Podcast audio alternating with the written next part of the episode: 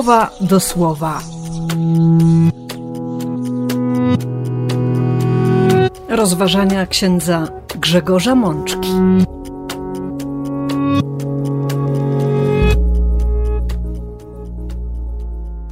Dwudziesta niedziela zwykła, rok A.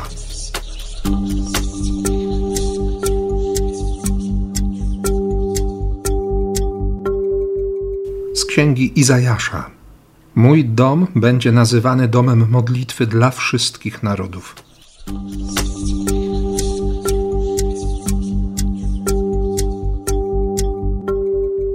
Z Psalmu 67. Oby Bóg zlitował się nad nami i nam pobłogosławił, oby ukazał nam swoje oblicze.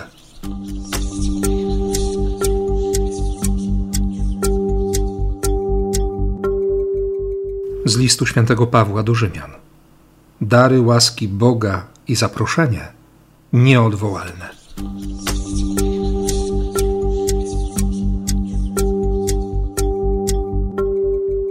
Z Ewangelii według świętego Mateusza.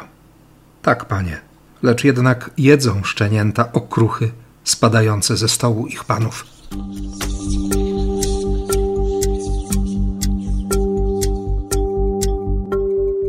Siostry i bracia, i znów spotykamy się przy stole Słowa Bożego, po to, by słuchać, by patrzeć, by też powiedzieć Bogu, jaki jest, jakiego go poznaliśmy, jakiego go widzimy, bo, bo czytanie Słowa Bożego na głos w liturgii ma również taką funkcję, takie zadanie.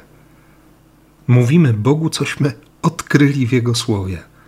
Czytamy na głos to Słowo po to, żeby żeby zapytać całym sercem Boga, w jaki sposób On chce nam siebie przedstawić. I później w czasie osobistej modlitwy pewnie wielu z nas zadaje pytanie naszemu Ojcu Wszechmogącemu: czy dobrze zrozumieliśmy to, co On chciał nam o sobie powiedzieć? Dlatego przyjrzyjmy się Bogu, który nam się dziś przedstawia w tych czterech tekstach. Najpierw fragmenty z 56 rozdziału proroctwa Izajasza.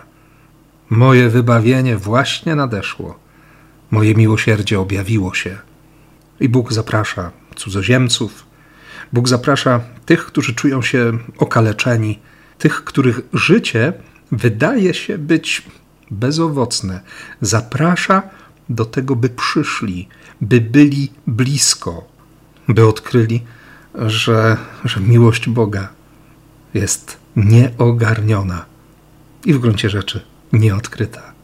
Bóg, który kocha bezgranicznie, wybiera, powołuje, ma słabość do, do swojego ludu, a jednocześnie cały czas otwiera serce, rozszerza te granice i, i zaprasza, by przyjść. My dziś, kiedy przyglądamy się Kościołowi, kiedy widzimy wspólnotę Kościoła, doświadczamy właśnie tego, że, że się słowo Boga spełnia, że Kościół jest jak gospoda, do której może przyjść każdy. Prawdą oczywiście jest, że gospodarz nie dzieli się wszystkimi tajemnicami z każdym, kto przyjdzie, ale sprawdza, bada, buduje zaufanie, prowokuje do, do więzi, do relacji. I wtedy coraz więcej odkrywa o sobie coraz bardziej też dzieje się wzajemność. To znaczy ci, którzy są w tej gospodzie, odkrywają się przed gospodarzem. Budują się relacje. Bardzo piękny i bardzo potrzebny dziś obraz Kościoła. Kościoła otwartego, tak, oczywiście. Jednocześnie Kościoła, który absolutnie nie traci swojej tożsamości. Bo nie chodzi o to, żeby zrezygnować z fundamentów, z tego, co jest sensem istnienia a wiemy dobrze, i przypominali nam to ostatni papieże, szczególnie od momentu zwołania Soboru Watykańskiego II, że racją istnienia Kościoła jest głoszenie Ewangelii, a głosi się Ewangelię nie tylko słowem. Można by nawet pokusić się o stwierdzenie: Ewangelię głosi się nie tyle słowem, ile życiem. Dlatego Bóg przez Izajasza powie: Mój dom będzie nazywany domem modlitwy dla wszystkich narodów. Izajasz nie wie, jego rodacy nie wiedzą, że chodzi nie tyle o świątynię, o nową świątynię, nowo wybudowaną, ale chodzi o cały świat, który ma być świątynią Boga. A nawet więcej, chodzi o człowieka, który jest świątynią Boga. Dlatego każdy z nas ma szansę wejść do wspólnoty, wejść do kościoła, poznać gospodarza, zadzierzgnąć z nim naprawdę mocną więź, wyjątkową i cieszyć się wszystkimi, którzy są obok i, i również mają niezwykle indywidualną więź z gospodarzem, bo dzięki temu nawiązują się też relacje między nami. Przekonujemy się i doświadczamy tego, że jesteśmy wspólnotą, że jesteśmy Kościołem Chrystusa. Dlatego bardzo mnie ucieszył komentarz do pierwszego czytania, a właściwie rozszerzenie tego Bożego pragnienia, które słyszymy w Psalmie 67. To jest prośba o litość, o, o błogosławieństwo. To jest również prośba o ukazanie oblicza, by Bóg pokazał nam swoją twarz. A wiemy dobrze z Ewangelii świętego Jana, że Bóg swoją twarz objawił w Jezusie Chrystusie, że ten, kto patrzy na Jezusa, widzi Ojca. A co za tym idzie? Wszyscy patrząc na siebie wzajemnie, mamy prawo dostrzec w sobie wzajemnie oblicze Boga. Przecież jesteśmy stworzeni na Jego obraz i podobieństwo. I znów zachęcam do tego, żeby, żeby spojrzeć w lustro i ucieszyć się.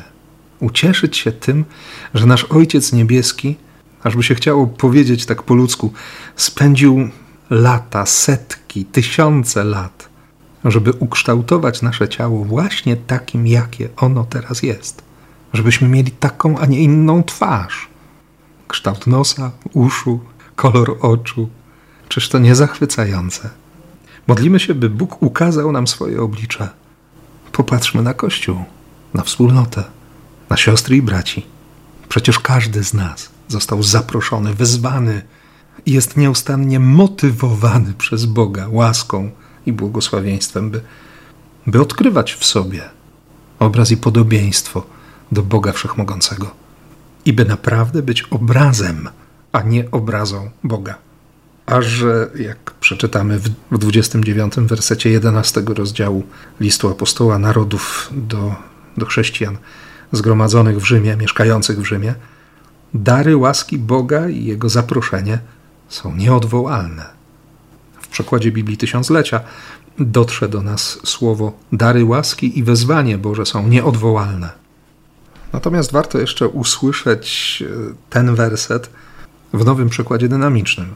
Bóg bowiem nigdy nie postępuje tak, by miał żałować swych decyzji. Niezależnie od tego, czy udziela komuś daru, czy też wyznacza kogoś do realizacji jakiegoś zadania. Autorzy tego tłumaczenia odwołują się do tekstu greckiego, konkretnie słowa a metameletos, czyli przekonanie serca, że nie jest mi żal tego, co zrobiłem, tego, co powiedziałem, tego, co się wydarzyło. Kiedy Bóg na coś się decyduje, to nie będzie potem żałował tej decyzji, swojego wyboru, tego, co zrobił.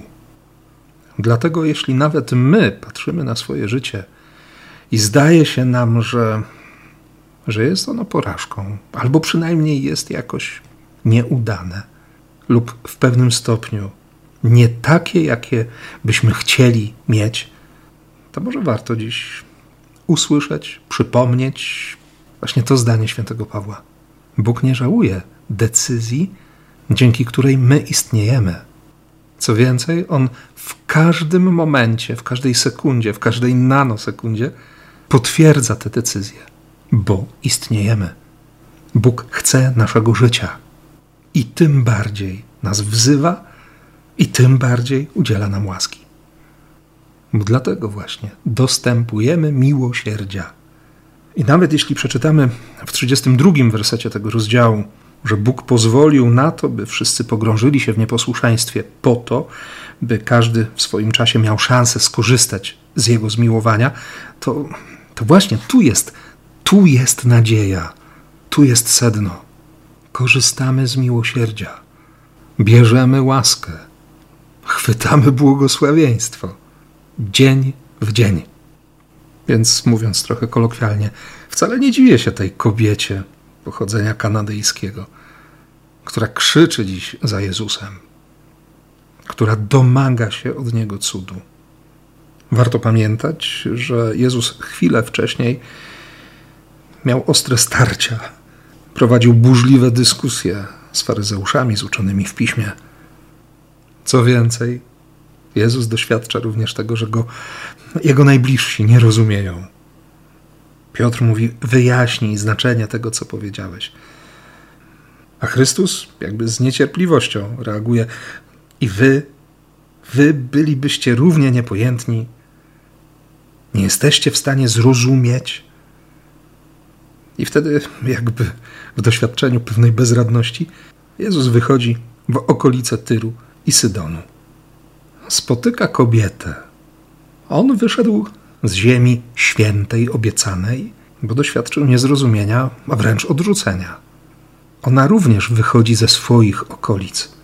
Szuka ratunku dla swojego dziecka. Wszystko, co robiła do tej pory, nie przyniosło oczekiwanych efektów. Nie ma rezultatów jej zabiegów.